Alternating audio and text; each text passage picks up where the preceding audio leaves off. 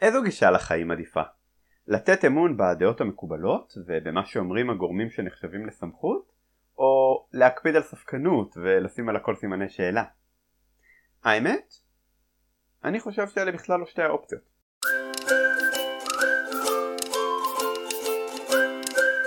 ברור שלא טוב לתת בסמכות אמון עיוור.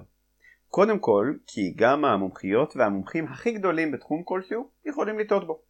ההיסטוריה מלאה בדוגמאות לרעיונות שפעם היו בקונצנזוס ומאוחר יותר הוסכם שהם שגויים. טעויות זה דבר בלתי נמנע, וגם המון ידע לא מגן עלינו לחלוטין מטעויות.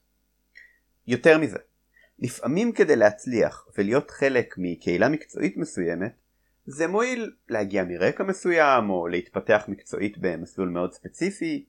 זה גורם לאותה קהילה להיות די הומוגנית מכל מיני בחינות ולכן יכול ליצור הטיות בתפיסות שמקובלות בה.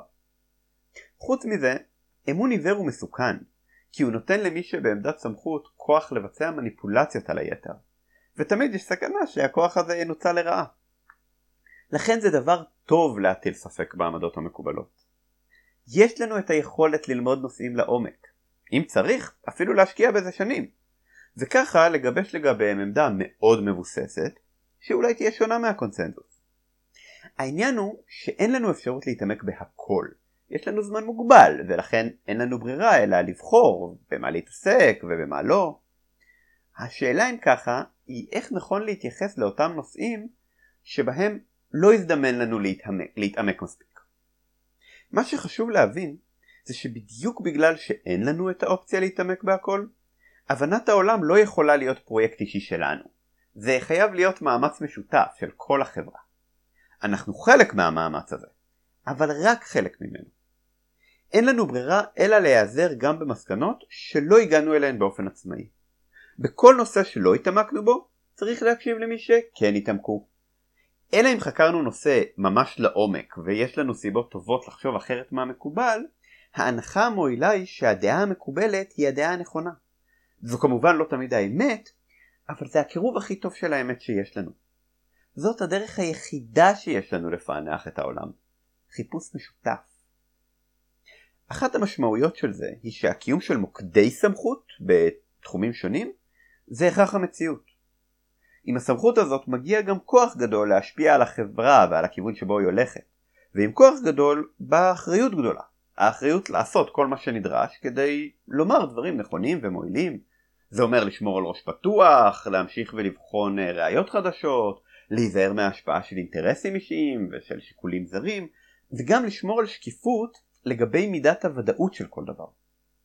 זה האידיאל, אבל כמובן שהמציאות הרבה פעמים נראית אחרת, כי סמכות, גם סמכות מקצועית וגם סמכות פורמלית, הרבה פעמים מנוצלת באופן לא ראוי, לכן קשה לתת אמון במוקדי סמכות. אבל מאחר שהאמון בסמכות הוא גם חלק ממה ששומר על הסדר החברתי, הרעיון של הטלת ספק בסמכות הוא רעיון שעשוי להיות מסוכן או לפחות מאיים.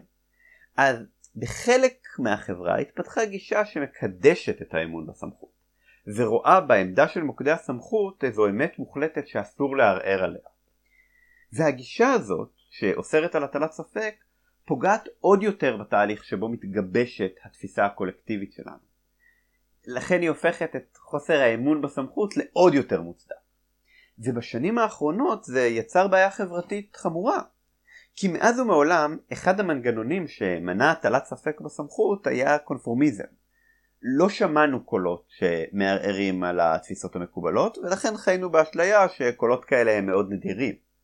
זה גרם לנו להשתיק גם את הספקות שלנו כי הם נתפסו כמופרכים. אבל הצמיחה של המדיה החברתית אפשרה לנו פתאום להיחשף ליותר קולות ולגלות שההסכמה על כל מיני נושאים היא בעצם הרבה פחות גורפת משנדמה וזה גרם לחלקנו לרצות להציב משקל נגד לאמון וסמכות. בחלק מהחברה זה יצר נטייה אנטי ממסדית ואנטי קונפורמיסטית להניח שהקונצנזוס תמיד טועה. אז אם אומרים משהו בחדשות, במערכת הפוליטית, בקהילה המדעית, הוא בטח לא נכון. והגישה הזאת היא מסוכנת, כי היא מפרקת את המנגנון האפשרי היחיד שיש לנו לצבירת ידע, שהוא אותו חיפוש משותף.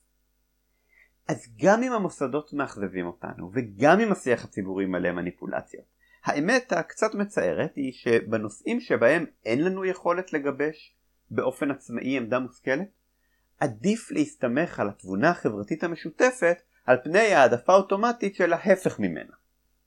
אם כחברה החיפוש המשותף שלנו לא מספיק טוב, והוא באמת לא מספיק טוב, הדבר הנכון הוא לא להפסיק לקחת חלק בתהליך הזה, אלא דווקא להשתפר בלקחת בו חלק. לחקור לעומק את הנושאים שחשובים לנו, ואז לחלוק את, התושב, את התובנות והמחשבות שלנו, לשמור על היושרה שלנו, ולא להפסיק להאמין ביכולת שלנו כחברה לשתף פעולה בחיפוש הזה. ספקנות היא בריאה כשהיא עוזרת לנו להבין את העולם, אבל לא כשהיא גורמת לנו להתייאש מלהבין אותו. בלא מייצג אפשר לצפות ביוטיוב או להאזין לנו בכל פלטפורמת פודקאסטים. תעשו מנוי שלא תפספסו אף פרק.